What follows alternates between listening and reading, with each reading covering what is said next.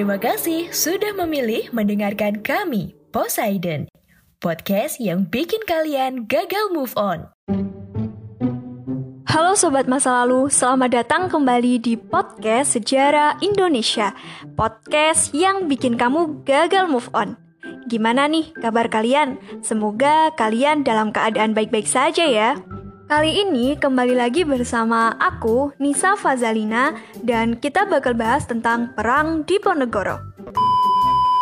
Jadi teman-teman, perjuangan dalam melawan pemerintahan Belanda juga dilakukan di Jawa, seperti yang dilakukan oleh Pangeran Diponegoro.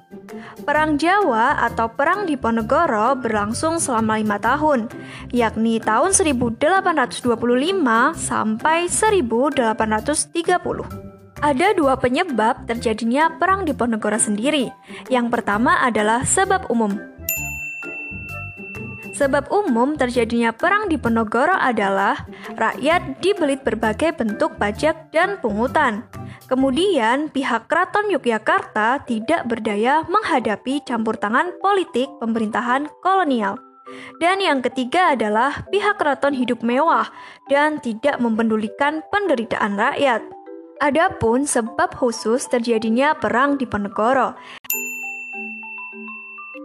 Yang pertama, Pangeran Diponegoro tersingkir dari elit kekuasaan karena menolak bekerja sama dengan pemerintahan kolonial. Pangeran Diponegoro memilih mengasingkan diri ke Tegalrejo. Yang kedua adalah pemerintahan kolonial melakukan provokasi dengan membuat jalan yang menerobos makam leluhur Pangeran Diponegoro. Dari beberapa penyebab tadi, hal itulah yang membuat Pangeran Diponegoro marah dan menganggapnya sebagai suatu penghinaan. Untuk memperkuat kekuatannya, Pangeran Diponegoro membangun pusat-pusat pertahanan di Selarong.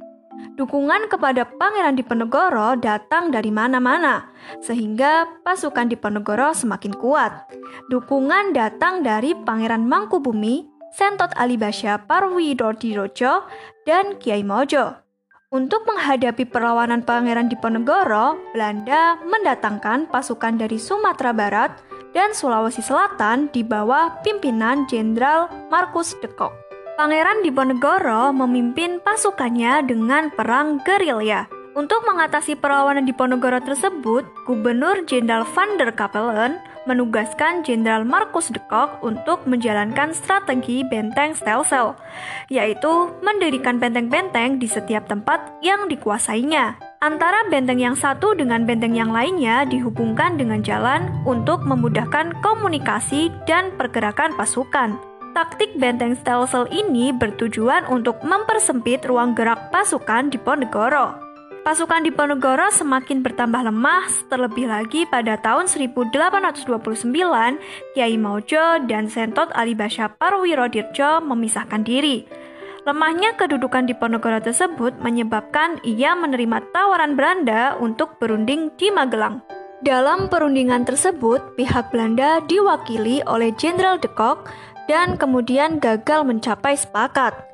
Kemudian Belanda menangkap Pangeran Diponegoro dan dibawa ke Batavia, yang selanjutnya dipindahkan ke Manado, lalu dipindahkan lagi ke Makassar dan meninggal di Benteng Rotterdam pada tanggal 8 Januari 1855. Perang di Ponegoro yang berlangsung selama lima tahun tersebut membawa dampak antara lain sebagai berikut. Yang pertama, kekuasaan wilayah Yogyakarta dan Surakarta menjadi berkurang. Belanda mendapatkan beberapa wilayah Yogyakarta dan Surakarta, serta banyak menguras kas Belanda.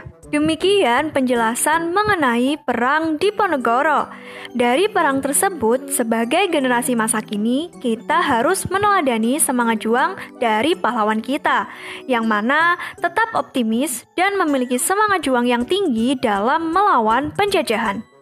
Oke, stay safe, stay healthy, stay happy, dan jangan lupa follow kami di Instagram at podcast underscore sejarah Indonesia.